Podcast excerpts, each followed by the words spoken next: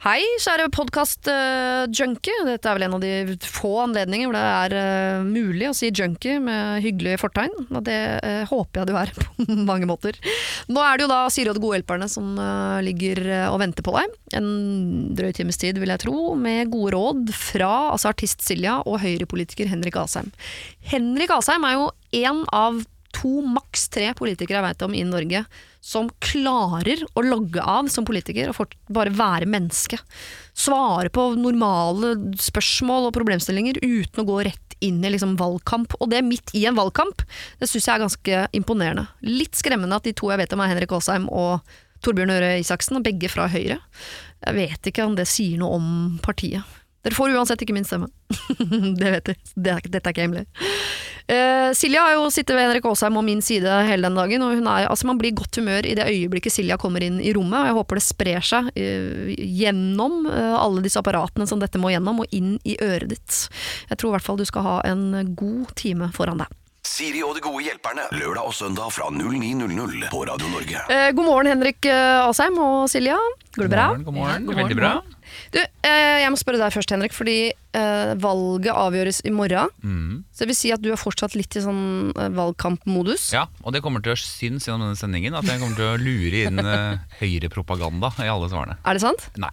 Å nei, så Nei, du jeg skal love det. Ja, For det er noen som ikke klarer å skru av. Nei, det vet jeg, og det er irriterende. For du kan jo tenke deg når du snakker med en venn av deg om et problem, da, og så Ja. begynner de å si sånn Ja, en gang så var jeg sånn Ja. så, Nå handler det ikke om deg. Nå skal jeg, nå skal jeg øse ut. Og det, sånn skal det være i dag. Jeg skal ta imot øsing. Men har du, jeg, jeg lurer på flere ting om politikk. Jeg skal spørre deg om noe også, Silja. Ta det helt Ja. med ro. Ja, Eh, jeg venter i spenning. Slapp av, liksom. Det er du kan få lov å stemme selv. Ja, ja, ja, ja, ja, for all del. Og jeg er jo ikke på valg engang. For jeg, sitter på Stortinget, så jeg sitter ikke, stiller ikke til kommunestyret nå. Så nå kan jeg definitivt stemme. Nei, men jeg regner jo med at du vil at dine fotsoldater skal kapre så mye som mulig av eh, kommuner og fylker der ute. Ja, selvfølgelig. Så jeg kommer til å stemme en masse. Ja. Eller én gang, da, for det er det eneste jeg har lov til. For du er ikke trassig sånn som For jeg innimellom har lyst til å gifte meg bare for å vise til venninnene mine hvem jeg ikke har invitert. Så du er ikke sånn at du, at du innimellom er sur på Erna og bare slenger inn en stemme til SV, liksom. Jeg skal ha en egen valgvake på mandag. Skal jeg sitte helt alene hjemme. Eller med noen jeg liker. Ja. Noen veldig, veldig få. Og legge ut masse på Facebook. Jeg gleder meg, skal jeg følge med på, Ja, det kan du gjøre. Du kan komme hvis du vil. Ja. Ja. Har du stemt, Silja? Du, jeg skal stemme i kveld. Skal stemme i kveld. Ja. Har du bestemt deg for hva det skal Eller er det sånn at du i løpet av sendingen Du slår meg ikke som en sånn Altså, jeg ville ikke tippa høyre på deg hvis jeg uh, Nei, det kan jo hende det skjer ting i løpet av den sendingen. At jeg blir, uh, hvis du bare lirer inn veldig lurt sånne Det kan ting ja. uten at jeg skjønner at du liksom gjør det. Det? Så blir jeg en Nei, jeg er vel ikke en typisk høyrestemmer, nei. Nei. Nei, Men er du såpass sånn lett å påvirke at du i løpet av Vi får se hvor god han er. Ja. Men eh, jeg er jo også sånn at jeg liksom har noen Jeg, liksom, jeg liker liksom litt flere, og så når jeg kommer til jeg, har med, jeg skal ha med meg valgkort og gjøre sånn old school, gå inn på skolen der som jeg er blitt an, Hva heter det? Angitt? Nei, hva heter det? Man har blitt an, an, Anbefalt? an, eh, Nei eh, Påbudt? på, som er påbudt. Anmeldt. Eh, og, og så når jeg kommer inn og lukker Da da er jeg sånn Nå vet jeg det. Ja, for du det er liksom. sånn. Jeg er litt sånn. Ja, Jeg er litt sånn eh, Så jeg kan Shit. Kan uh, vaie her nå, altså. Jeg må jo komme meg på jobb, jeg. Dette er For jeg lurer på noen ganger, for det gjør jeg også, akkurat Ja, det du det? gjør. Og jeg stemte forskjellig på fylkes- og kommunevalget, men jeg har stemt av det forhåndsstemt. Ikke sant? Eh, bare fordi jeg ikke klarte å bestemme meg, så da tok jeg en til hver. Syns det var mest uh, ryddig. Litt sånn er jeg litt sånn vanskelig. Eh, Men hvis det hadde vært lov å henge propaganda inn i de små båsene, altså at alle fikk et siste ord Alle Oi. fikk ikke lov til å være mer enn 120 tegn, da.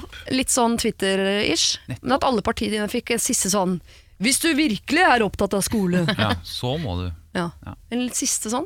Det var. Jeg har en venninne som gikk inn i stemmelokalet nå sist det var valg, og klarte ikke å bestemme seg inne i boksen, og gikk ut igjen. Nei. Og dro hjem, og dro tilbake. Da, er du, da legger da er du du- mye tyngde i det, tenker jeg da. Hva Da, er gjorde du, da, hun? tenker du at du avgjør valget, rett og slett. Ja. Når du føler Det så var mye veldig, veldig mye tyngde, da. Ja. Og Da er jeg nysgjerrig på hva hun gjorde hjemme. ja. Om hun liksom satte seg inn i materiell, eller om hun satt i dusjen og skrubba seg. Eller, Nei, jeg tror hun var hjemme og grublet, liksom. Drakk og litt vin, kjente, kanskje? Var Kjente litt sånn- litt på sånn. Ja, kanskje Nei, drakk, drakk- litt. Drakk litt, rett og slett. Ja. Ja, for tror da tar man alltid så kloke valg. Ja, sant? ja. Det er da man kjøper man- den buksa som egentlig var for Ja. liten. Man sånn, Det er bra du ikke kan stemme på SMS hvis du, hvis du er full òg. SMS og alkohol det er ikke noen god kombinasjon. Nei, det har jo løst noen problemer opp igjennom, Har faktisk. skapt noen òg. Ja, ja det jeg tror nok. Det har skapt flere enn det har løst. La oss ikke håpe det er overskriften på uh, dette som vi skal gjennom. Vi skal vel løse flere problemer enn vi skaper, håper jeg. Det er i hvert fall det som er Jeg gjengs det. her hos meg. Ja. Uh, så eh, eh, konsentrer dere. Ja. Skrubb dere hvis dere trenger. Gå inn i tenkeboksen, så skal vi prøve å hjelpe så mange som mulig nå de neste timene. Siri og de gode hjelperne. Kjære Siri og de gode hjelperne. For en stund tilbake ba jeg en venninne på fest. Festen er av typen man planlegger i god tid, der folk melder ifra hvem de skal ha med seg. Og jeg ba venninnen min sammen med ektemannen sin, selvfølgelig. Vi har et godt forhold til begge to. De er fortsatt sammen, men har visstnok en pause i forholdet. Han er ikke hennes, lenger hennes pluss én på denne festen. For det som nå har skjedd er at min venninne har spurt om hun kan få ta med seg en date. En annen mann. Selv om hun fortsatt er gift. Vi kjenner som sagt begge to, altså hennes mann og hennes nye date. Vi tror ikke ektemannen hennes vet om den nye daten, og alt føles veldig rart. Eh, skal vi si noe til ektemannen her? Kan vi si nei til den nye daten? Kan vi sette regler for hva som er akseptabelt av datemateriale osv.? Det er jo vår fest. Hjelp, hva skal vi svare? Oi, det var jo litt tricky. Oh. Jeg syns jo at eh, de kan si til hun som skal ha med denne daten plutselig eh, Hei, vi føler oss litt det er litt ukomfortabelt for oss eh, at du plutselig skal gjøre dette. Ja. At man kan si fra at eh, du setter oss i en litt sånn rar situasjon. Eller er det, at det er litt Er det litt rart? Det er kjemperart. det? Ja, det er det. Å ta med en date og så kjenne Nei, jeg vet ikke helt. Nei, Til deres felles venner ja, er, med rart? Og så tenker jeg de er jo bedt som vennepar. Venn- Hun ja. er ikke bedt med sånn Litt Ja, sånn ja, se hva du finner. Ja. Gå, eller, på gata. Men er det, jeg, jeg syns det er litt sånn, eh, litt sånn rart å gjøre det, og litt sånn Kanskje hun er så forelska i denne nye daten, eller er det litt sånn har lyst til å gjøre noe nytt, at hun bare ikke tenker Jeg syns det er litt respektløst, både overfor eh, både mannen og Ja, samtidig som man vet jo ikke, i og med at alle kjenner alle her på en eller annen mystisk grunn, så kan det hende at de tenker sånn Å ja, han syns det har vært hyggelig å gå på den festen, kanskje vi bare skal gå sammen. Ja, men Ja, men- dater henne, eller hun dater han, eller? Ja, gjør jo det. Ja, Det er liksom ikke bare en kompis han hun tok med seg. Virker jo som det er eh, Ja. Nei, Men kan, Ja. eh, kan de Har de lov de, hun- de, Hun er invitert pluss én. ja. Kan de legge seg opp i hvordan hun eh, driver og rigger livet sitt? Eh, ja, jeg mener du kan faktisk det når det er du som har festen, og du er venn med mannen eller eksmannen, eller hva man skal kalle han nå, da. Ja. Eh, for det er jo faktisk en sånn greie som man havner i. Det er samlivsbrudd i et par hvor man eier ja. Begge parene eier vennegjengen. Og hvis mener? mannen ikke vet om det, Ja, så er det veldig rart. Og, så da må jo de sitte med den Ja, hun var her med en date, litt sånn Ja. Skal vi si det til han, eller jeg synes, eh, Er ikke det litt rart, da? Og så er det en pause, står der. Ja. Så det er ikke noe sånn at de har gått fra hverandre. Eller ikke. jeg tipper de fortsatt bor sammen og tenker de skal finne tilbake. Så hun har bare en sånn liten, hva heter det, ramspringa. ramspringa. Ja, ja, sånn som ja. eh, sånn Amish Amish, har. ja. Ja. Du får en- Du kan gå ut og gå amok, og når du er ferdig, så kommer du hjem. Ja. Men da tar du ikke med deg denne romspringeren på en fest til felles venner? Du kan romspringe litt på si et sted hvor du ikke kjenner noen, da. Jo. Eller noe. Men så vet du ikke, kan jo hende at ektemannen også sier sånn ja, ja, vi er på par, dette er våre regler. Date hvem du vil, jeg gjør det samme. jo, men da er det Da er det, men, da er det jo noe Men da må du ja, Det er legitimt nesten for det paret som har festen, å spørre henne Ja. om mannen vet det. Ja, det synes Eh, jeg jo. fordi det som er dumt noen ganger med sånne par som har for pause og sånn ny og sånn, er at du tar, drar jo vennene dine inn i en Ja. konflikt du aldri har bedt om å være. Sant? Mm. Og, og det syns jeg nesten kan si rett ut til henne. Vi ønsker å ha et godt forhold til deg og til mannen din, selv om det blir slutt mellom dere. Mm. Og de kan jo risikere å måtte lyve til han Ja. om Ja. hvem hun var på festen med, og det er ikke aktuelt. Og det er ikke aktuelt for oss å lyve til mannen din. Mm. For han er vår venn.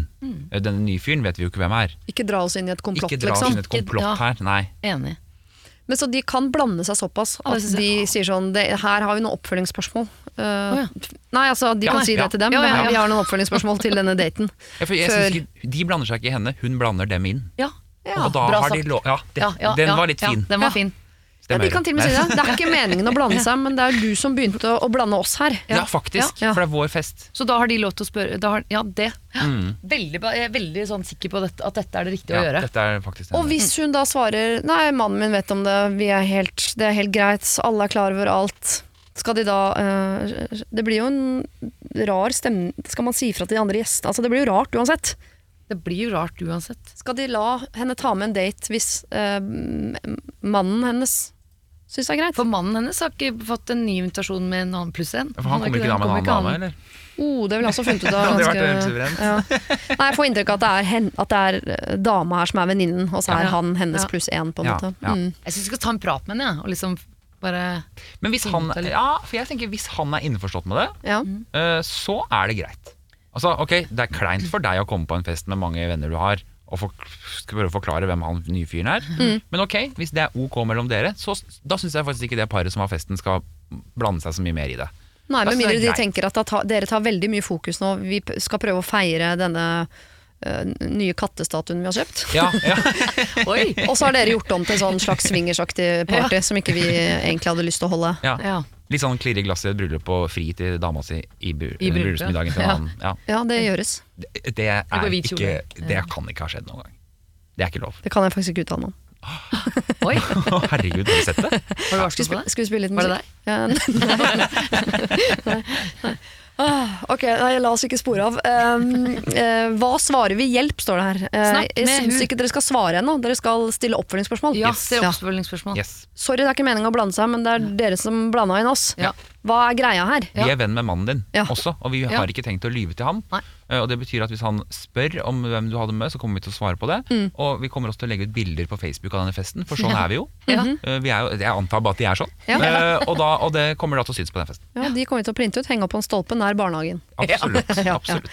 Eh, så her må dere stille masse spørsmål, og Ja. så, basert på uh, hva folk vet om hva osv., så, videre, så kan dere svare. Siri og de gode hjelperne. Hei, Siri og de gode hjelperne. Vi er et ektepar som driver en gård nord på Østlandet. Vi fikk råd fra en venn om å sende inn vårt problem til dere, og håper på noen gode. Det får vi jo se på da, Henrik og Silje. Det har seg slik at vi har bygget et eh, hus på et eh, nytt boligfelt nær gården vår, ca. 200 meter fra hovedbygningene. Da hovedhuset på gården er gammelt og slitt. Vi bestemte oss for å leie det ut og flytte til det nye huset. Problemet vårt er at de nye naboene har en jævla blodhund som er mannevond. Den jakter på alle som er i nærheten når den står i bånd. Den lager også et helvetes leven fordi den bjeffer konstant, gjerne flere timer i strekk. Og vi er vant til dyr, men den hunden er ikke riktig klok.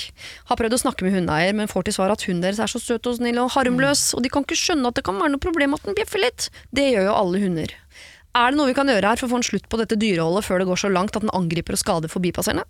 Jeg har prøvd å snakke med viltnemnda, men de har ingenting med husdyr å gjøre. Jeg fikk til svar at de trodde at hunden måtte skade noen før vi kunne forlange den avlivet. Vi har hatt lyst til å sette en kule i panna på den søteren, men det er jo ikke lov å ta seg til rette på den måten, så jeg håper dere har noen tips til hvem vi kan snakke med for å få en slutt på denne typen dyrehold. Hilsen lett fortvilet ektepar. Jeg har ingen eh, tips og råd av, eh, som er så drastiske som uh, sette kule i panna på og sånn, må jeg innrømme. Hvis de sender oss adressen, så kan jo vi bare dra dit. Kidnappe bikkja. Ja. Og ha Og den? slippe den ut da. Nei, I det fri? Ha, vi vil ikke ha den bikkja. Sett, nei, eller Du skal slippe den ut i det fri? Eller, Hva heter det? I jaktmark. Jaktmark. Du så åssen det gikk med Keiko, svømte opp til norskekysten og døde. Ja, så jeg vet ikke. Ja, ja, ja. Ja, Og nå det. gjorde den andre hvite hvalen det samme. Ja. Eller han er ikke død, han da, men Valdimir? Ja. Det er bra Flyter da. rundt der, Det er bra ja. Men det er, Ja. jo, det er jo kjipt dette her at den øh, Og det er ikke sikkert den er slem selv om den bjeffer, men det er jo irriterende å ha en hund i nærheten som står og bjeffer og bjeffer og bjeffer. og bjeffer. Det betyr ikke at den må dø, men, Nei. Men og det det, betyr heller ikke at den biter forbipasserende. nei. Jeg har hund bare sånn. Ber meg om å roe meg ned hvis jeg blir for blir- å, ja, øh, ja, hundete ja. her borte. Ja, Ja. men Men du vet når folk sier sånn eh, Jeg blir litt sånn hvis man går eh, og hunden er løs, du går en tur og så er det en hund som er løs, og, du, og de sier sånn Nei, ikke noe problem, den er, den er kjempesnill. Ja. Så blir jeg med en gang sånn Ja, men det er et, dyr som kan plutselig jeg synes, Når folk sier sånn Nei, man er jo så søt og snill og fin og Ja, ja. Ja, tenk Ja, kanskje hjemme hos dere i Alle er snille til de blir slemme, på en måte. Oi, bra sagt. Det var akkurat Ja. det jeg skulle Oi. si. Å, Bare jeg klarte ikke å Nei, Unnskyld. nei, jeg fant ikke ordene. Du gjorde det. Det var veldig bra. Men eh, Ja, og det at viltnemnda sier sånn Ja, man må skade noen først før de Eller det er jo litt sånn Ja, jeg er enig at det er jo eh, trist at den må bite noen før man Ja. kan avlive den, men det er også trist hvis vi skal avlive alle Ja, er hunder som bjeffer. Da, eh, da blir det lite hunder her. altså, jeg elsker hunder. Jeg tar alltid hundens parti. Ja. Uh, og det vil jeg gjøre her også. Ja. Er det politisk nå? Parti? Hundeparti? Ja, ja, nettopp. Ja, Ja. nettopp ikke sant? Det er hundeeiere der ute. ikke sant? Det er Ja, ja. valget på mandag. Det er en kundegruppe jeg tror du har glemt, for dem er det mange av. Ja, det er, har du helt rett i. Ja, ja, Ja. Neste gang. Hva er det som er god hundepolitikk? men, men fordi det som, jeg tenker jo at den hunden er jo bare en hund. Den vet jo ikke, ikke sant? Og så er den kanskje litt dårlig oppdratt. Og så burde de ha oppdratt den bedre, men det har de tydeligvis ingen interesse av å gjøre. Nei. Nei, Da må de enten ha den hunden inne, Mm. For det går det jo an å gjøre. Du kan ta den inn og så si at den står, når den står ute, så bjeffer den hele tiden. Ja. Så kan den stå inne, så er det fint. De må jo bli gærne av det, de sånn. òg. At Ja, det er rart de blir sure for det. Blir ikke de gærne? Jeg blir klikka for meg. Ja, for jeg skjønner ikke hvorfor ikke bjeffing. syns det er flaut. Jeg må si, når jeg går forbi folk eh, som har hund, Ja. med min hund som ikke bjeffer Det er ikke fordi jeg er god til å oppdra den, bare jeg tror ikke han skjønner hvordan han gjør det. for Han er ikke så smart uh, Så går vi forbi andre hunder som bjeffer og bjeffer, så tenker jeg sånn Jeg blir veldig stolt på mine vegne. Så tenker jeg sånn, er det ikke flaut? Ja. Ja, Syns ikke det er litt flaut, Det liksom? er flaut. Ja. for Det det er som å er ha en unge som griner hele tiden. Som er sånn, ja. Ja. for det er jo eierne da som bør gjøre noe. Ja, altså er det så, det er så drøyt sånn Skal vi, vi ringe i viltnemnda liksom, for å skyte altså, for, Det finnes jo veldig mange andre løsninger før vi er der. Ja. Men hvor mange ganger har de snakka med denne naboen? Er det sånn at de bare én gang, og så har de sagt 'nei, men den er kjempefin og snill', og ha det? Ja, for jeg, liksom jeg lurer på om dette ekteparet har gått bort og er sånn forbanna og har brukt den jævla kjøteren og kule i Ja. panna og han må dø blir og sånn, ikke ja. sant? Ja. Det er nesten som å snakke til barnet til noen, Ja. faktisk. Ja. Kanskje man skal ta en litt annen approach? Være litt sånn Hei, vi skal bo ved siden av hverandre. Eh, vi, for, vi har migrene pga. den bjeffinga. Mm. Eh, Ja, kan- er det en måte å løse dette på? For de, Ja. kan, de kan jo ikke ta tak i ting som faktisk Som bare er en, eh, en teori de har, med at denne hunden her er mannvond og kommer til å bite noen en dag. De må jo ta det som er eh, reelt. Ja. Hunden bjeffer, det er et problem. Det Ja. bråker for mye. Ja. Kan dere ta hensyn? Vi bor tett på hverandre. Hensyn er et bra ord å bruke. Ja. Noen sånne søndager når man ikke har så mye annet å gjøre, så ser jeg på en sånn hundepsykolog på TV. Og han Det ja, er Caesar, et eller annet. Caesar, ja, mm, ja. Utrolig flink, men han bor jo i Los Angeles, da. Det er Ja, noe han. Han har vært her i Oslo Spektrum, faktisk. Han? Utsolgt. Var du der? Det var før jeg fikk hund. Oh, ja. Hadde du gått dit nå? Jeg var på Sentrum Scene på sånn kattekonvensjon. Det var gøy. Du var der alene, da, antagelig. Bare meg og lille Bendriss. Det var ålreit, altså.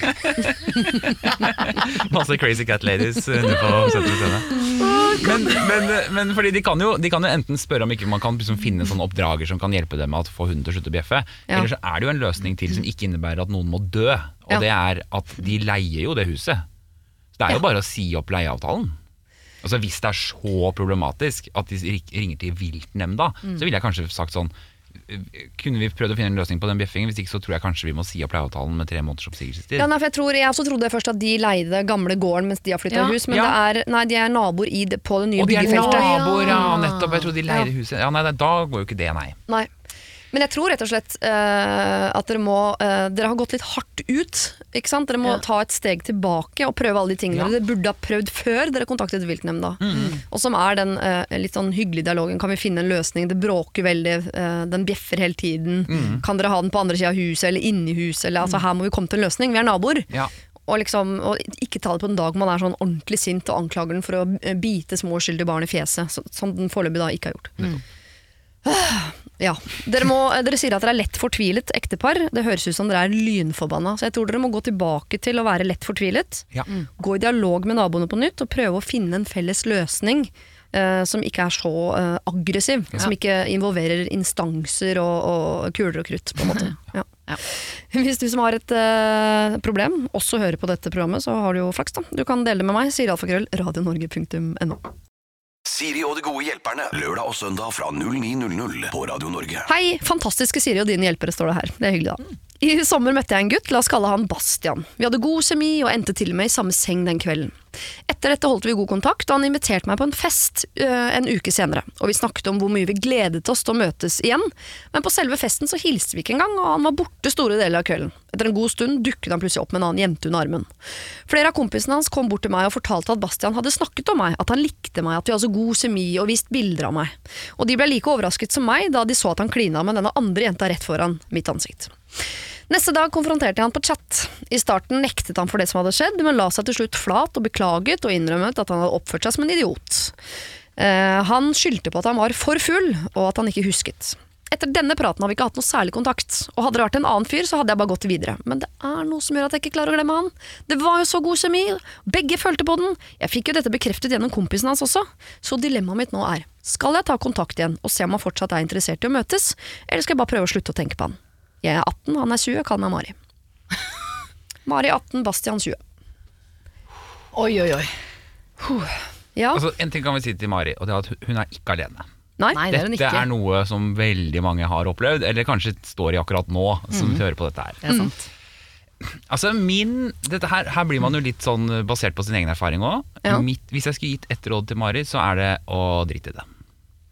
For å være helt ærlig. Ja. Og, det er, og det er ikke fordi han øh, gjorde det på den festen, okay, det, og det er veldig tidlig, de har bare snakket sammen og sånn, Mm. men når de ikke har hatt noe kontakt etterpå, sånn, det er, så på et eller annet tidspunkt der, så må man tenke er han keen eller er han ikke keen? Og hvis han kan gjøre noe sånt mot deg på den festen, så kan han gjøre det mot deg i et halvt år i strekk. da.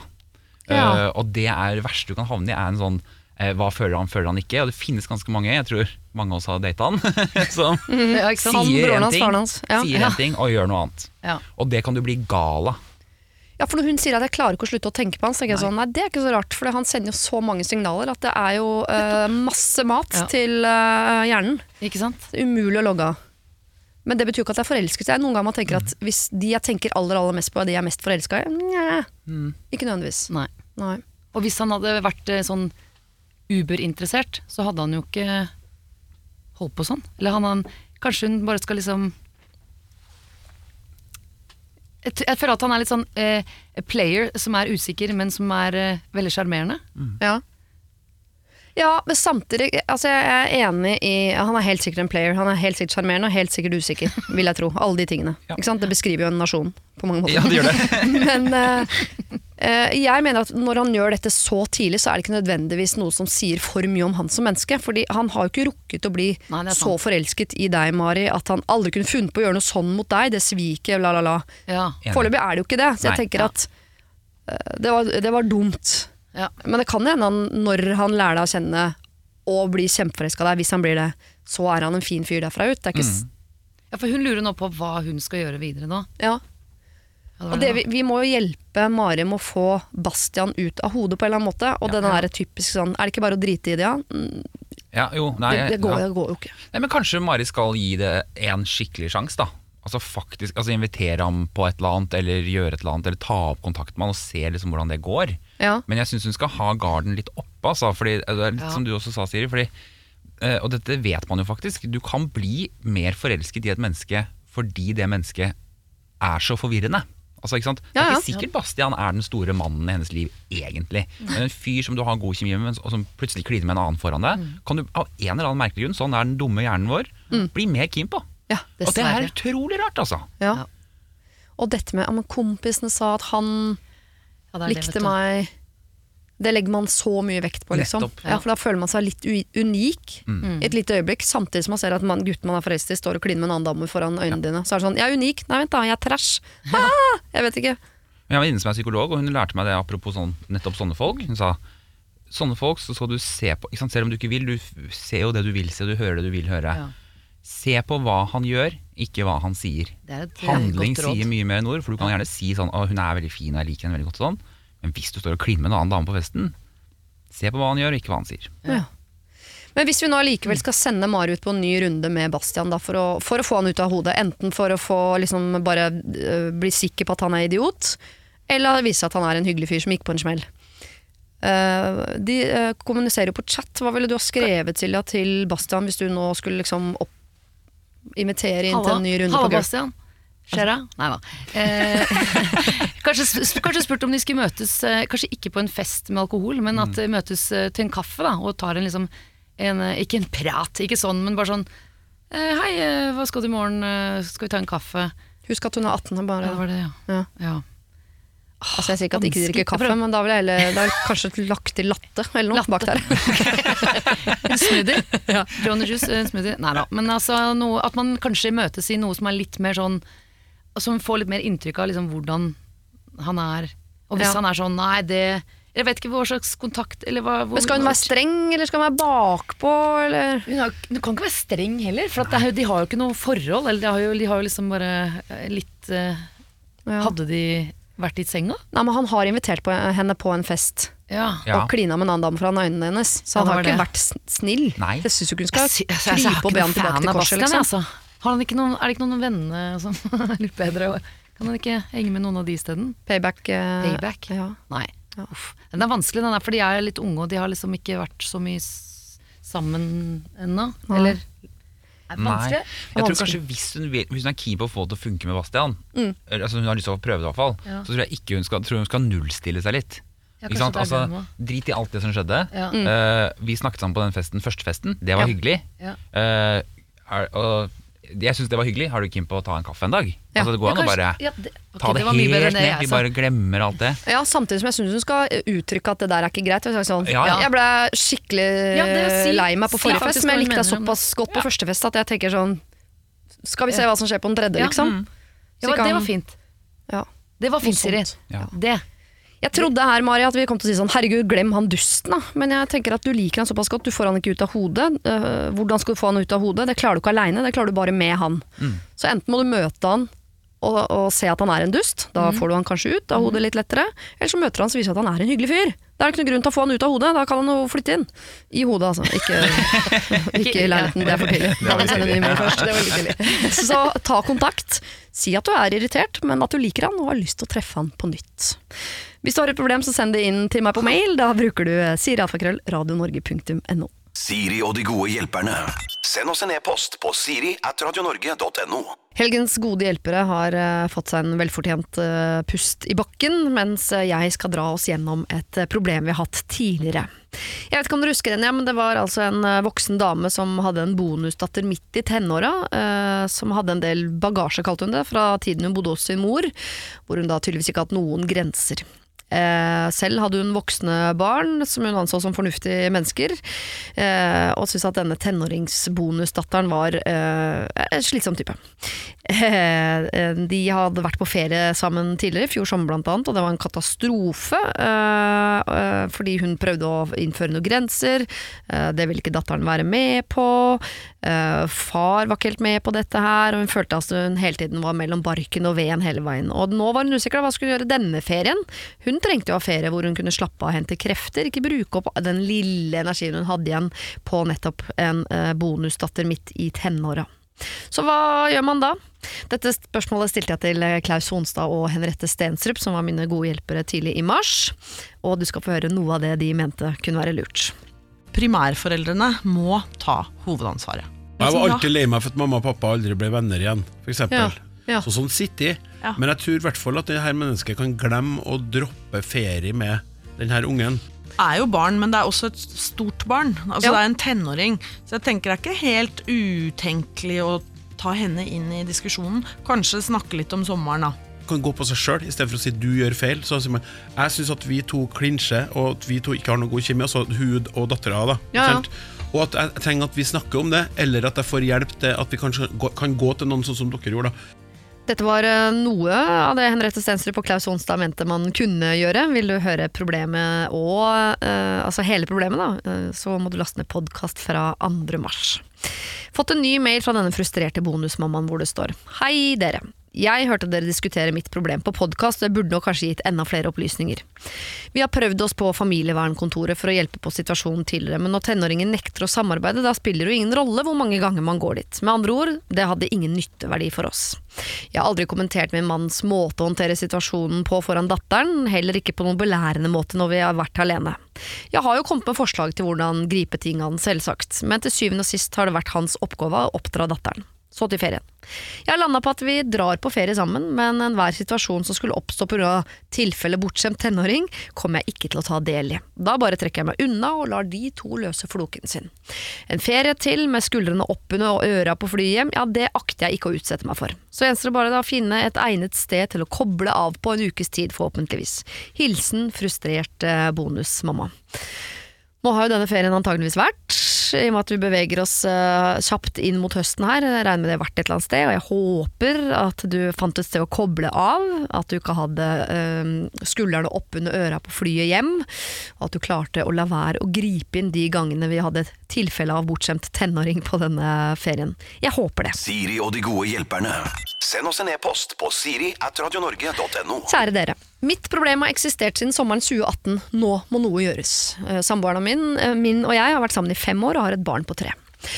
2018 var jeg og samboeren på fest. Samboeren sovna på sofaen, og jeg måtte bruke hans mobil for å skaffe oss kyss hjem. Jeg brukte Snapchat for å få kontakt med samboerens kompis som skulle hente oss. I oversikten over kontakter på Snapchat hadde han lagret type folk som Dirty Sophie osv. Altså sånne nettsexprostituertaktige folk. Jeg konfronterte kjæresten min, og han lovte å slette alt sammen. I etterkant har noe skjedd med sexlivet vårt. Jeg har verken interessen eller lysten. Helt til jeg møtte en annen mann på internett, som jeg siden den gang har møtt en del ganger, og jevnlig nå siden oktober. Vi har fantastisk sekk, og jeg liker han så godt! Begge to beundrer hverandre, og vi er begge helt fortapt. Vi bor i ulike byer, men ses så ofte vi kan. I mellomtiden har jeg oppdaget at min samboer ikke slettet sexjentene fra Snapchat, og har i tillegg hatt chatkontakt med flere av dem. Han skriver sånne ting som 'herregud, så fin du er, gift deg med meg, please', den rumpa, og det nydelige ansiktet ditt, oh my god, og så er det masse bilder og videoer uten at jeg vet hva det er av, men jeg kan jo tenke meg det. Samboeren min er ikke av typen som gjør sånne ting bak ryggen min. Eh, kommentar. Han er jo det. Det er jo tydeligvis det. Ja. det er i hvert fall det du har skrevet så langt i mailen. Venninnene mine er helt sjokkert! Han er en typisk mannemann med høy selvtillit, sjarm, humor. Han er derimot usikker på egen kropp og er overvektig, men pen i fjeset. Han er veldig stolt fyr som ikke gir opp forholdet så lett, men jeg vil ikke leve på denne måten. Jeg vil ha mannen i den andre byen som vet alt om meg og hvorfor forholdet jeg har allerede går dårlig. Jeg og samboeren min holder eh, hender mens eh, ser en annen vei, begge to, hvis dere skjønner. Han gir ikke meg opp, men jeg vil egentlig være hos han andre. Så hva gjør jeg? Kall meg gjerne Emma. Emma, mm. hvorfor er dere sammen? Hvorfor er dere samboere? Ja, det har jeg dere bare ikke være sammen, da? Bare Det er mitt råd. Sånn, ferdig. Ja, det er Ja, faktisk det faktisk- eneste rådet man kan gi. Hvis du eh, dater en annen fyr, Og du liker han er sitter og ser på. Dirty Girls på Snapchat, Ja. så er vel dette forholdet over. Er ikke det ganske dødt, da? Men de har et barn på tre, da. Ja, det var det, men det går an. Ja. Det er veldig mange som eh, har barn som ikke burde være sammen. eh, Ja. Og som, altså, det er mange løsninger der. Det er til og med mange som er sammen fordi de fikk barn. Ja, ikke sant? Men, Så er det mange eh, som har barn fordi de er sammen. Fordi, og mange som får barn for å redde Jeg bare tuller. for, ja, mange. Ja. Ja. Eller bare ha med alle variantene inn i Ja, se, Og så er det Ja. også, ja. men, men, eh, men jeg, altså, jeg- åpenbart, og jeg tror også altså, jeg tror Hun har jo møtt en annen, og poenget er at én ting er om han nye fyren er virkelig mannen i hennes liv, men Mm. hvis du er åpen for å møte en annen sånn, og er så åpen og snakker ut om hvor vanskelig forholdet ditt er, og sånn, Mm. så har du gått videre, altså. Måten hun skriver på. Hun skriver ja. jo sånn at det er sånn Å ja, men det er jo logisk at dere ikke skal være sammen. Altså Hun skriver det på en måte som at hun ikke vil Hun vil jo egentlig gå. Jo Ja, hvis jeg skal lese bare mellom linjene i den mailen, så leser jeg Mannen min er idiot, mannen min er idiot, jeg liker han ikke. Jeg har truffet en faen, jeg elsker, jeg elsker en annen fyr, jeg elsker en annen fyr. Hvem skal jeg velge? Ja. Hmm. Jeg vil kanskje tippe han andre. Ja. Men samtidig, da, bare for å være uh, vanskelig, for det er en grunn til at Emma spør om dette. Det er ikke fordi hun ikke har uh, klart å lese mellom sine egne linjer. Um, det skjedde jo noe sommeren 2018 som gjør at hun har sluttet å ligge med mannen som var mannen i hennes liv. Ja. Sexen er borte. Ja. Så begynner hun å ha fantastisk sex med en annen mann. Det er klart at Da blir det litt ujevne lag. Ja. Enig. Det kan jo hende, hvis hun hadde rydda opp i det eh, tillitsbruddet mellom seg og mannen, hadde begynt å ha sex med han igjen, at Ja. det forholdet egentlig er et bedre forhold. Men akkurat nå, det er klart at hvis du sammenligner en ny spennende fyr som gir deg fantastisk sex, med en fyr du ikke ligger med, da er det vanskelig, vanskelig for han andre å vinne. For han mannen vet ikke at hun ligger med en annen. Nei, det får jeg ikke inntrykk av. Nei. Nei. Nei. Eh, og det er jo for så vidt et større tillitsbrudd enn en litt dirty Snap-story. Ja, altså. Hun har gått mye lenger ja, enn ja, han. altså, lenger. virkelig. Selv om det er han som har dytta henne utfor den skrenten på en eller annen måte. Så, ja. ja. Og så tror jeg også at i et forhold hvor man slutter å ligge med hverandre Nå husker jeg ikke om de sluttet å ligge med hverandre etter at hun så Snap-storyen eller før. Det var etter, Det var etter det, ja. Da skjedde det noe med interessen og lysta hennes. Ja, nettopp. Hun mistet jo, hun orker ikke å ligge med han, for hun tenker at å ja, nå tenker du på Dirty Sofie, ikke sant. Ja. Ja, nettopp. Men det er, akkurat det der mener jeg man må av og til ha litt sånn toleranse for, faktisk. Ja. Og det er at det er en stor forskjell på hvem du elsker og vil være sammen med, og type sånn seksuelle fantasier som noen har. Mm. Ja. Så er det synd hvis det må tas ut på den måten, fordi det beste er jo å involvere partneren sin i de fantasiene man har. Mm. Men like fullt så er det på en måte, det må man ikke, man må ikke si sånn å, da, han hater meg, han øh, er utro med meg med Snapchat-storyen sin. Det Ja. er ikke det som skjer. Nei. Det, han tar ut en frustrasjon på en annen måte, rett og slett. Og det er jo en elendig erstatning for kona di, eh, for å si det rett ut. Ja, og det kan jo henge sammen med det dårlige selvbildet på kroppen Ja, videre, For da sender han jo bare ut sitt eget fjes og sine Ja, egne fantasier, og så Ja. koser han seg med det. Nettopp, ikke sant? ikke sant? Da, I den fantasiverden der så er han en uh, gresk sexgud til Ja, kvinnen. nettopp. Ja. Mm, og det er, mm. Men eh, Og så kan jeg bare lure på om det er verdt, i og med at vært sammen i fem år, har et barn på tre, jeg regner med at dere på et eller annet tidspunkt har falt for hverandre, har elsket hverandre. Har de Vi skulle om tatt en det? runde på å prøve å finne finne ut av ting ja. hjemme først. ja, Ja, Ja. ja.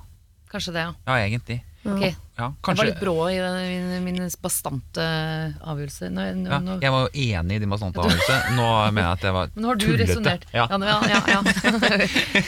men det jo, har jo gått litt sånn Det har jo gått for langt Eller de har jo Det er blitt litt rota til, men kan de ikke prøve å Rydde litt, Ranne? Jo, Ja. Jo, det, det siste året nå har vært rotete. Skal Rotete, sette av tilsvarende tid på å prøve å rydde det neste året. Dere har en treåring òg, det er ikke da sexlivet piker helt Nei, sånn vilt mye. Nei, det Så det er klart det er lett for en sånn uthvilt hingst fra Sørumsand å bare komme inn og, og sveipe deg av banen, liksom. Som ikke har gulp på kraven og Ikke vet. Litt ja. Ja. Åh, nei, ja, for det kan godt hende, men det kan nok hende at hvis de skal finne ut av det, og det bør de jo være i stand til å være sammen i fem år, ha et barn sammen sånn, men det er å ha en litt klein prat. Ja. Uh, og den kleine praten innebærer også uh, ja, Nå er jeg flau å si det. Hva? Hvorfor, hva er det med de damene på Hva er det du egentlig tenner på? Ja. Altså, hva er det som gjør at du griper til det? Er det noe vi kan eh, Kanskje ikke at hun skal liksom være så dirty, da, for Kan det det blir jo hende at de bare men- snakker til han sånn Å, fordi jeg er liksom Ja. pornosfolk? Ikke Altså, sant? det jo At han føler seg på en måte seg- begjært. da Ja. Mm. At kanskje hun også må være flinkere til det. Og så bør hun jo, som du sier, tenke litt gjennom kanskje han For det kan jo være litt det derre ungkaren-syndromet. Ja. Altså, ta 20 single damer inn på et luksushotell, og alt du gjør er å fly helikopter og spise Ja, jordbær på toppen av et fjell. og sånn. Du kan bli forelska i en kaffekopp. Ikke sant? Det er jo ja, ja. godt å være sant. Ja. At kanskje hun bare ser utrolig fine ting med han ene fyren, og Mm. så den hverdagen med fiskegrateng og spy ja, ja. med den andre, og så gulp. Ja. Ja, Og for så du spy sikkert, da. Ja, altså, ja, ja, treåringer da. Da blir det Ja, spy ja, òg, ja, ja. faktisk. Ja. Ja, for Emma, du kommer jo hjem til en mann som er liksom sikkert sliten småbarnsfar med eh, gulp på kraven, Ja. som ikke du har ligget med på over et år, og sammenligner han med han hingsten fra Sørumsand, som jeg kaller den for nå. Ja. Eh, og da, da blir det vanskelig å velge hjemme. Det skjønner vi veldig veldig godt. Men hvis det har vært vanskelig nå et år, så syns jeg du skal sette av litt tid på rydde opp hjemme først. Og er det sånn at etter den ryddinga at du allikevel på en måte, sexlysten kommer ikke tilbake, du liker han ikke, tilliten er brutt for bestandig, altså det er ikke noe der. Og så er det ikke noe i veien for at du skal gå foran andre fyren, på en måte. Men ikke, ikke nå. Bare fordi du har også- snakka med oss og ikke mannen din. Du må, Ja. jo, og du må jo snakke med mannen din. Og så kan man jo også involvere kanskje en parterapeut eller noe hvis man syns det er veldig vanskelig å begynne å snakke eller liksom grave inn i disse problemene. Og så er det jo ingen skam å gå til det. Få noen andre til å hjelpe til å megle litt. Absolutt ikke. Jeg tror bare, kort oppsummert, rydd hjemme Ja. før du roter hos andre. Siri og de gode hjelperne. Kjære Siri og de gode hjelperne. Jeg og min eksmann har barna 50-50, og det fungerer stort sett fint, og det har det gjort de siste tre årene. Barna er i barneskolealder. Jul, påske, sommerferie, ja det meste går egentlig fint, men eh, nå snart er det jo høstferie, og en ferie vi strengt tatt ikke har, men som vi jo må ta da, fordi skolen er stengt. Barna er store nok til å kunne surre litt rundt eh, en ukes tid mens jeg er på jobb, men det er jo ikke ideelt. Vi har overlevering på torsdager. Altså de bytter barn, holdt jeg på å si. Det gjør de ikke, men barna bytter forelder på torsdager, på en måte. Min ekstra på fjellet med ungene fra lørdag, og selv blir han der hele uka med sin nye kone og deres felles barn. På, ti, ja, på uh, torsdag mener han at da våre barn skal ta toget alene tilbake til meg. For han gidder ikke å kjøre hele veien ned bare for å levere ungene. Jeg er på jobb, og jeg kan ikke hente. De er livredde, de vil ikke ta tog alene. Men han er av type som sier at slutt å syte, dette fikser dere. Mens jeg eh, mener at han må kjøre dem ned, eller ha dem der oppe noen dager til, så kan jeg hente dem i helgen. Barna syns det er vanskelig å forstå at de må dra når lillebror og pappa fortsatt skal være på hytta. Må han være så rigid på 50-50? Er det så forferdelig å ha de litt mer enn man må? Herregud, egentlig skal man vel ønske å ha barna sine 100% eller er jeg urimelig her? Skal jeg, som vanlig, bukke under, ta fri fra jobb og dra og hente dem? Hilsen Sara. Sara er irritert. Ja, hun er det. Ja. Hun er det. Og det går jo vanligvis veldig fint, så vi må prøve, det må vi prøve å bevare. Men At det skal gå fint. torsdag til lørdag, det er ikke så mange dager. Altså torsdag, fredag, og så kunne hun henta de på lørdag. Ja, nei, det er eh, to dager til, så da er vi oppe igjen. Da har han dem 53% istedenfor, da. Altså, Er det så Jeg er litt sånn eh, Når det er ferie, og de allerede skal være på ferie, ja. og hun jobber, er ikke det litt sånn Kan ikke de bare være der, da? Eller er jeg Nei, jeg mener jo det, men det er det å få han til å mene det. Da. Det ja. Han og hans nye kone, som jeg bare eh, rent sånn fordi jeg liker å sette mennesker i bås, Ja. eh, tenker at det er noe av problemet bak her. Og antar at det er hun som egentlig har kommet på ideen Ja, det Om jeg. om å ja. sette dem på toget. Det går Nei, nå trenger vi å pleie vår familie. Ja, Ja. Nå må de barna der dra hjem. Men det skulle du tenkt på før de gifta deg eller ble sammen med en fyr som hadde barn. Ja, det var det. Ja. Altså det, du kan ikke, Beklager, det. Eh, du er ikke den viktigste. Men det vanskelige her er jo at hvis, uansett hvor mye vi er enige med Sara Problemet ligger jo hos eksmann og nye Ja. kona. Mm. Men hvordan, hva skal Sara gjøre med det? Sara er jo bare den forrige kvinnen. De kommer jo bare til å synes at hun spjåker uansett hva hun sier. Ja. Mm. Oi, vanskelig hvordan skal Altså, jeg har jo sympati med Sara her, Mm. jeg må bare si det. Og jeg synes at eh, når han tar dem med opp på hytta, så er det hans oppgave å få dem ned igjen fra hytta, hvis han ikke vil ha dem der et par dager til. Altså Hun har jo tilbudt seg å hente dem, men da blir det litt senere, bare. Mm. Uh, de, de er livredde for å ta tog. De synes jeg man skal, nå husker jeg ikke hvor gamle de var. Men de er, Barneskolealder, så de er det maks tolv, da. Ja, ikke sant? Så synes det er skummelt å ta tog alene. Ja, synes det er så skummelt at de da kommer til å grue seg til det gjennom hele uken. Så det må de slippe. Det Ja, det er ikke aktuelt. Uh, egentlig syns jeg han burde kjørt dem ned, men, det, men det ødelegger jo i så fall hele dagen hans, da. Ja. Eller så får han ha dem der til lørdag. Hvordan forklarer du for to barn som ikke forstår hvorfor de i det hele tatt må hjem? At Det er pappa er, så sånn- interessert i å bli kvitt de barna på torsdagen, liksom. Ja. Ja, for det rare også er at En ting er hvis det nettopp er høstferie og begge må jobbe, så vi må bytte på et tidspunkt, for jeg Ja. må tilbake på jobb. Men han, Men har jo dratt på hytta. Ja. Han er på hytta. Ja, Og hun må jobbe, så hvorfor kan ikke han ha høstferien den, i år, da? ja. Nei, det er kjemperart. Ja, det er det. ja, det synes jeg. det, er det. Ja. Men hvordan skal hun nå inn hvordan til han? For jeg tenker at det, det er jo selvfølgelig fri- fristende å bruke barna, men det skal man ikke. Ja. Få barna til å stille de vonde spørsmålene. Ja, Hvorfor er du ikke glad i oss, osv. Mm. Eh, det, det er jo eh, antageligvis veldig effektivt, men vi, det må vi bare prøve å rydde av veien. At det er ikke den, det, sånn skal man ikke gjøre det som voksen. Ja. Eh, så da må jo Sara gå i dialog med eksmann. Ja. Hva kan Sara si for at eksmann skal skjønne dette? Her må vel kanskje nettopp La oss bare ta den fordommen at det er den nye kona som er problemet her. Ja. Ja. Det, Jo, men det er en luksus man kan unne seg å tenke. Det kan man definitivt gjøre. Ja. Eh, så syns jeg at hun skal gjøre det som? For de har jo på et tidspunkt vært gift, de har fått barn sammen. og alle sånne ting Sett deg ned med bare han, og så Mm. Ja. forklarer han bare ikke sant? Eh, Jeg syns ikke vi kan sende de barna Eller synes, det skal vi ikke gjøre. Vi kan ikke sende de barna på et tog alene. For det, de blir så redde for det, og det kan vi ikke gjøre. Jeg rekker ikke opp før på lørdag, og da må enten du kjøre dem ned, eller så må jeg hente dem to dager etterpå. Ja. Og, og, så bare, og så høre hva han sier, da. Men argumentene hans er jo ikke så veldig gode. Nei. Nei. Kan hun også si sånn, og så ønsker jeg at du pedagogisk går i dialog med barna dine og forklarer barna dine hvorfor de må reise hjem når du skal være Ja, der. For ja. de forstår ikke, og jeg klarer ikke å forklare det på en måte som gagner deg, skal jeg være helt ærlig på. så hvis du vil at de barna skal uh, forstå det på en noenlunde eh, måte som sympatiserer med deg, Ja. så er du nødt til å ta den praten. Ja. Hvis ikke så må jeg gjøre det, og da, det blir ikke pent. Ja, det er fint. En liten trussel der. En litt bitte liten trussel, trussel, så jeg har ikke skada en noen. Eller, ja, eller Det er bra, det. Ja, jeg er litt glad i det faktisk. Ok, så Sara må sette seg ned alene med sin eksmann. Ja. Forklare han eh, greia. Altså Spille drepe, på følelser. drepe togideen. Altså den må, ikke Ja, den sant? må vekk. Her må du tenke forhandling. Så du må Ja. drepe det alternativet, Ja. og da står du igjen med to. Enten så må han kjøre på torsdag, eller Ja. så må hun kjøre på lørdag. Ja, eller fredag etter jobb, i verste Eller fall. fredag da. etter jobb, er der ja. i titida, liksom. Jo, ikke sant? Men også skal du ned igjen, da, si det er to-tre Ja, ja. timer å kjøre. Det er jo Det blir grusomt for alle, men det er klart hvis det er deilig for egoet ditt og den nye forferdelige kona di, så gjør jeg det. Ja, ja. Ja. ja. Sånn kommer jeg til å Jeg håper eh, jeg, eh, Lokføreren, hvis du hører på, jeg håper at du hører på. Du tenker at Sånn blir jeg hvis du går fra meg. Jeg, bare, jeg advarer allerede. ja. Det, så det kan være greit å bare bli, bli, Det har en pris, det òg. bli værende. Ja. Jeg tror jeg er verre på utsida. Fint å si fra på forhånd. Ok, Sara. eh, jeg håper det ordner seg. Eh, vi har all sympati med deg. Både eh, Silja, Henrik og jeg har det. Du må få mannen din til å forstå dette. Da må du ikke klikke, ikke bruke barna, men sette deg ned, snakke med han uten den nye kona som vi hater. Og få han til å forstå at det er det som er den beste løsningen. At de blir der litt lenger, eh, eller at du henter tidlig på, ja, at du henter tidlig på lørdag, eller at han faktisk må kjøre den ned. Men da må han forklare hvorfor han må gjøre det. Siri og de gode hjelperne. Radio Norge. Kjære Siri og de gode hjelperne. Jeg har en venninne og kollega med en vanvittig selvtillit. Eh, Hun har kommunefarget hår og briller, men oppfører seg som om hun er Beyoncé Knowles. Hun har null skrupler med å si hva hun vil, hvem hun vil ha, osv. Og, og hun anser seg selv som en gave til mannen, og er ikke redd for å ta første steget. På mange måter imponerende, men også litt irriterende. I det siste har det også blitt litt sårt, for hun har lagt seg etter en mann på jobben som hun mener spiller kostbar.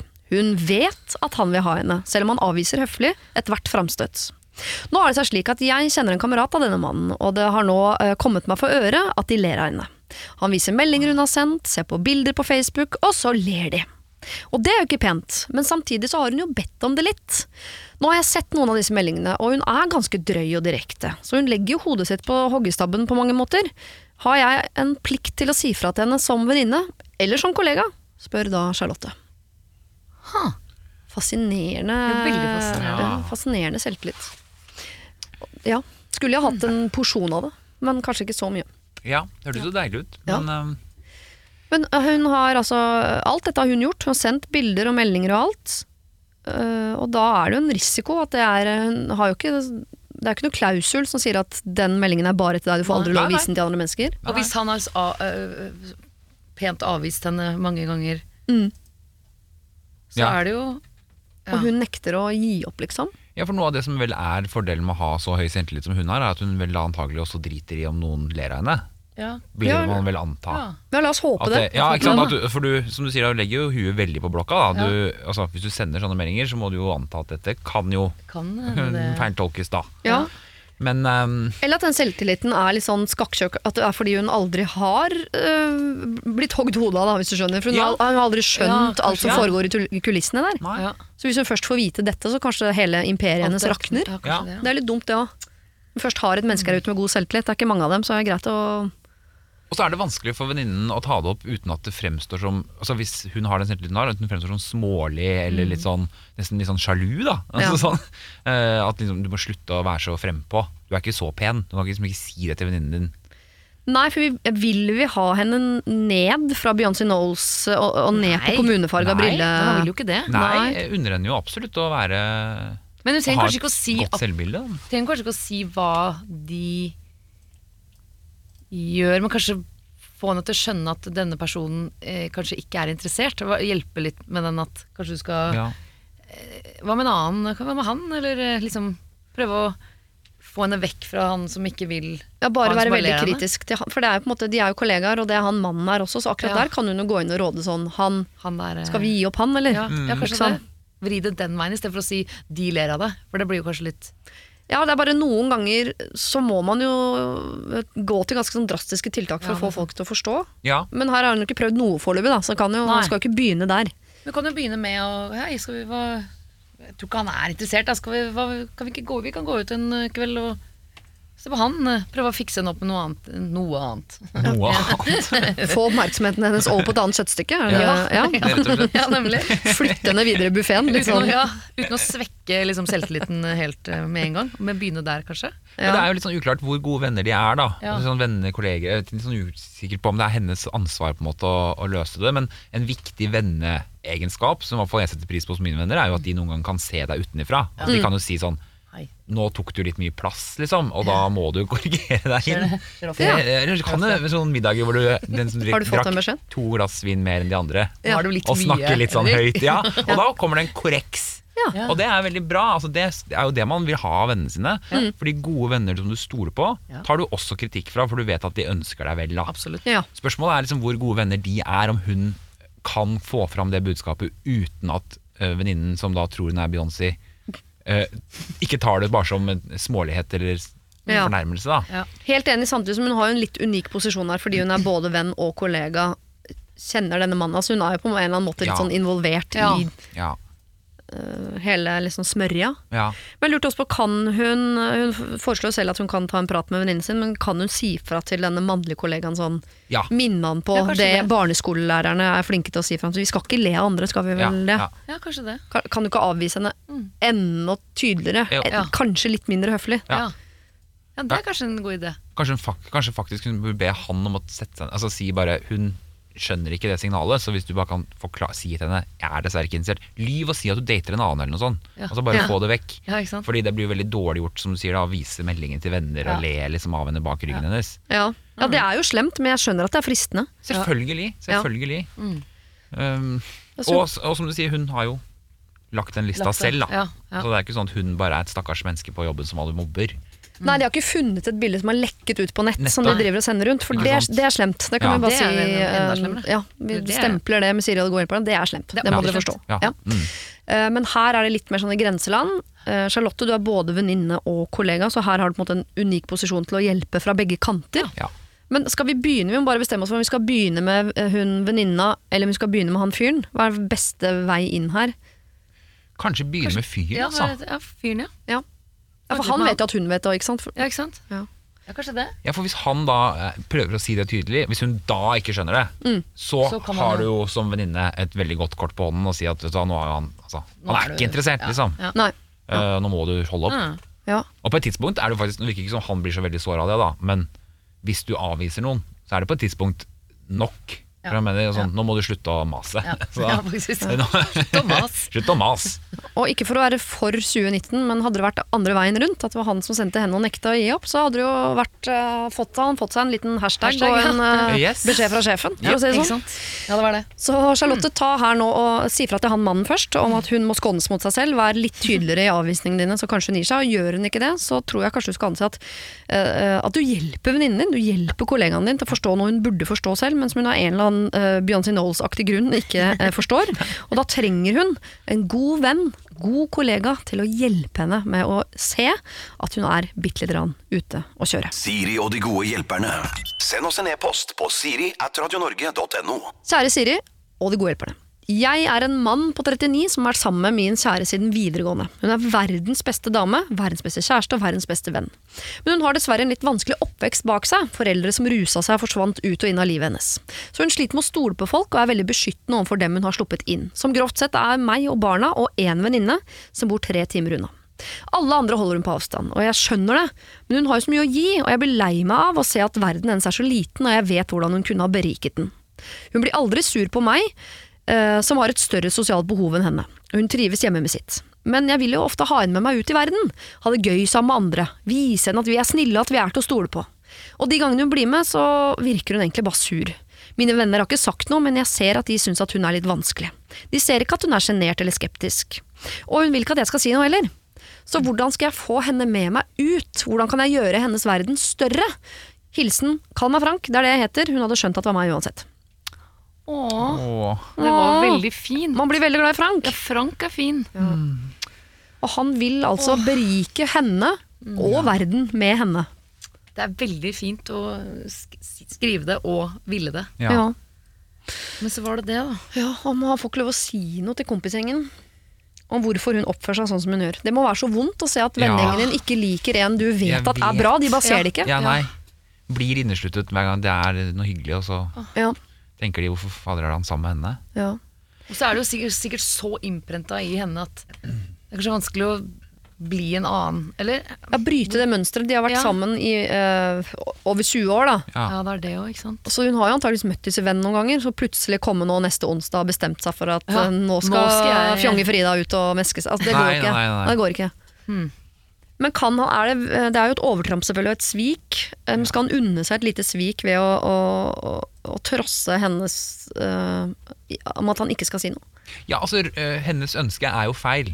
Ikke sant? Altså, jeg skjønner Ja. at hun ønsker det, men det er jo feil. Ikke sant? Og det er jo det som burde vært gjort. At mannen hennes, kjæresten hennes, får lov å forklare bare vennene hvorfor det er sånn. Mm. Og kanskje da kan også vennene hans for, for kommer til å forstå det, men de kommer også til å ta ned garden overfor henne. Ikke sant? Ja. For du- man tenker jo det hvis noen har med seg dama og hun aldri er hyggelig mot deg, så tenker du hun liker ikke meg. Ja, tenker man da. ja selvfølgelig. Så hun tenker- øh, virkelig så kanskje så- de forandrer seg litt hvis Ja. de vet.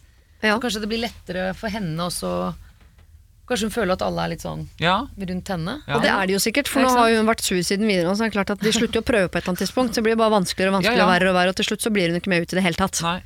Men klart risikoen her er jo nettopp at de har, altså hun har et issue med å stole på mennesker.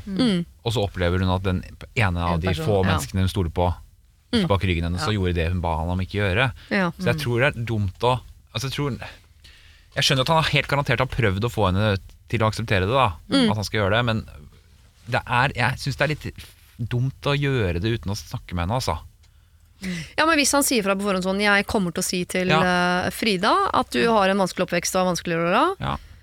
Så ville jeg da, hvis jeg var denne kona på neste fest, også synes det var litt av en klein sånn 'Åh, nå vet Frida det om meg'. Ja, og kommer hun til å komme sant? bort og spørre om det, og nå er hun ekstra hyggelig, og jeg ser det, jeg skjønner Ja, ja, hvorfor. alt så hadde jeg gått hjem.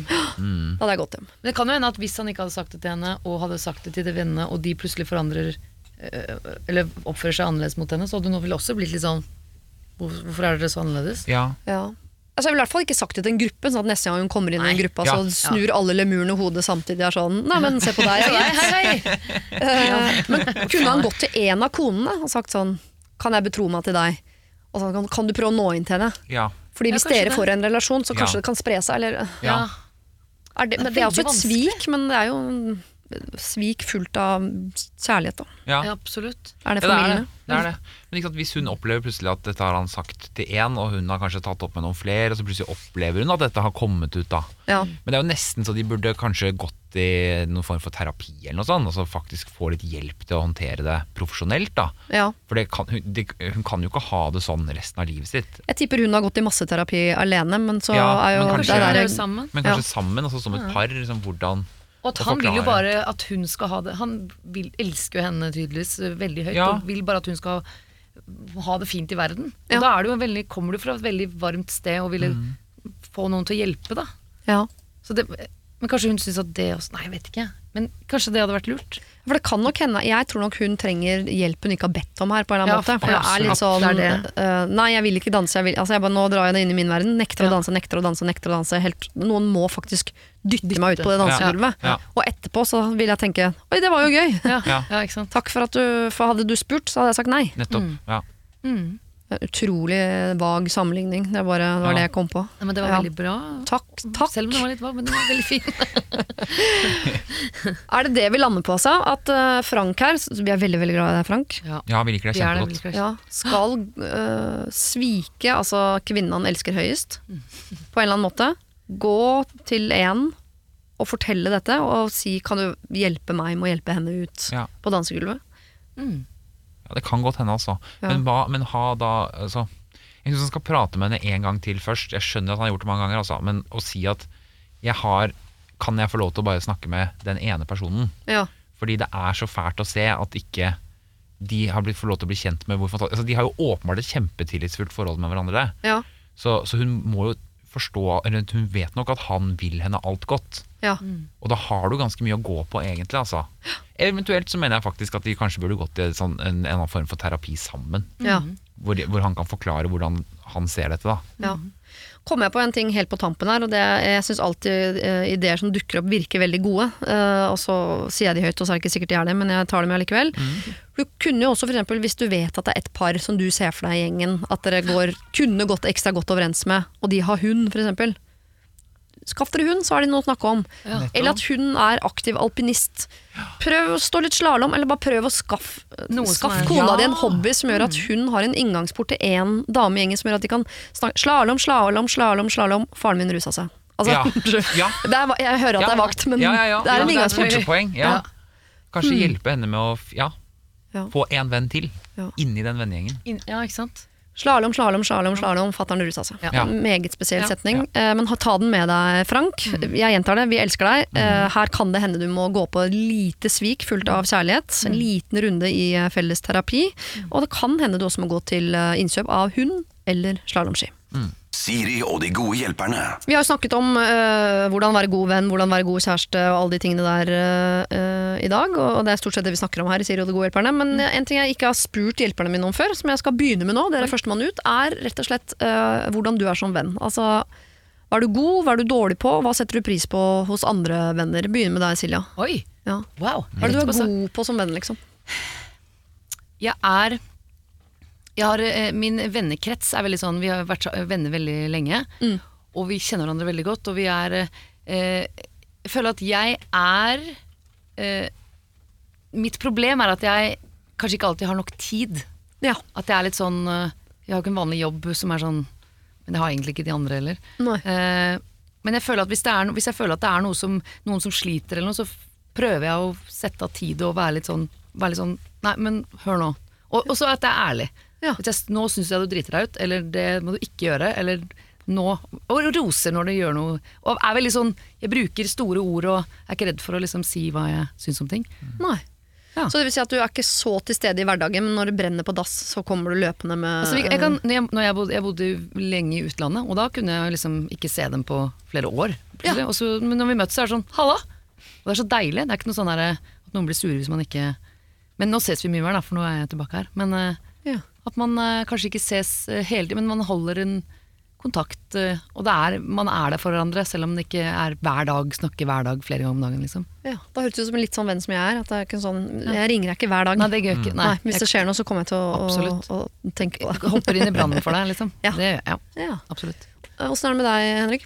Ja, veldig mye av samme sånn vennegjengen. Sånn, veldig mange av dem er helt fra barne- og ungdomsskolen, liksom, så vi har kjent hverandre så lenge at vi har sett hverandre på dypeste daler og ligget fulle i grøftekanter og gjort alt det gærne man gjør når man er tenåring. Da. Eh, og det gjør jo noe med et vennskap òg, at man stoler på hverandre og kan liksom eh, snakke godt sammen. Og jeg tror jeg er en Altså, uh, mitt problem er at jeg også ofte må si nei til ting. Altså, det er, du er på reise eller du må jobbe på kvelden eller noe sånt, så, Ja. så får du ikke vært med på alt. Og jeg er ikke så flink til for eksempel å arrangere fester og sånn. er jeg jeg kommer på fest, jeg. Men jeg er, sånn, ikke, noe- jeg er ikke noe flink til å ha middager og sånn. Er Så er- Og det skammer jeg meg over. jeg- Jeg også vil det. Ja, Og da er dere det jeg liker å kalle for kanskje skal gjøre uh, freeriders. ja, det er, ja, men jeg føler meg veldig faktisk. freerider. Ja, unnskyld, jeg vil gjerne gjøre noe med det. Ja. Så jeg er ofte sånn, så kan ikke jeg bare vippse over 1000 kroner for maten? Fordi liksom, Jeg synes jeg skammer meg så fælt. For jeg synes det er så flaut å ikke, ikke levere nok på det. da Ja. Og så er jeg litt jeg, også, jeg håper jeg som lytter på problemet, sånn, men jeg går veldig ofte rett på løsningen. Ja. Ja, og av og til har jeg oppdaget med meg selv etter hvert at av og til så er problemet er poenget.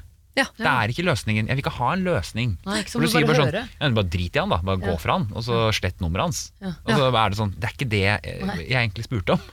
Eller at du skal høre på meg litt. Ja, bare høre litt på Eller meg. jeg må bare lufte, lufte Ja, litt. Ja. ja. Og det er sånn som man bare må lære seg ikke alltid Men det høres ut som du har lært det. Jeg, har, jeg, jeg tror det, men så er det jo et slags instinkt som ja, kan slå inn.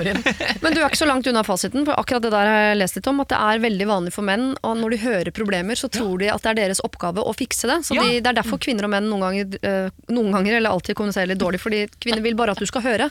Det betyr ikke at du skal ordne problemet. Så det er manneting. Det er en Det er noe du ikke kommer Ah, for. Yes! Flaks! Nei, Jeg er, da- jeg er helt lik, men jeg har gått, gått, gått til psykolog og fått beskjed om at jeg tenker som en mann. Nettopp fordi jeg gjør Ja. dette. Nettopp. Ja, fordi jeg, vil, jeg hører problemet ditt, tar det rett inn i sjela og vil løse det. Og da antar man at uh, du vil ha en løsning. Ja, Ja. ja, ja. Jeg også bare lært meg til å holde kjeft, høre. Ja. Ikke dette radioprogrammet, det blir bare dumt. Ja,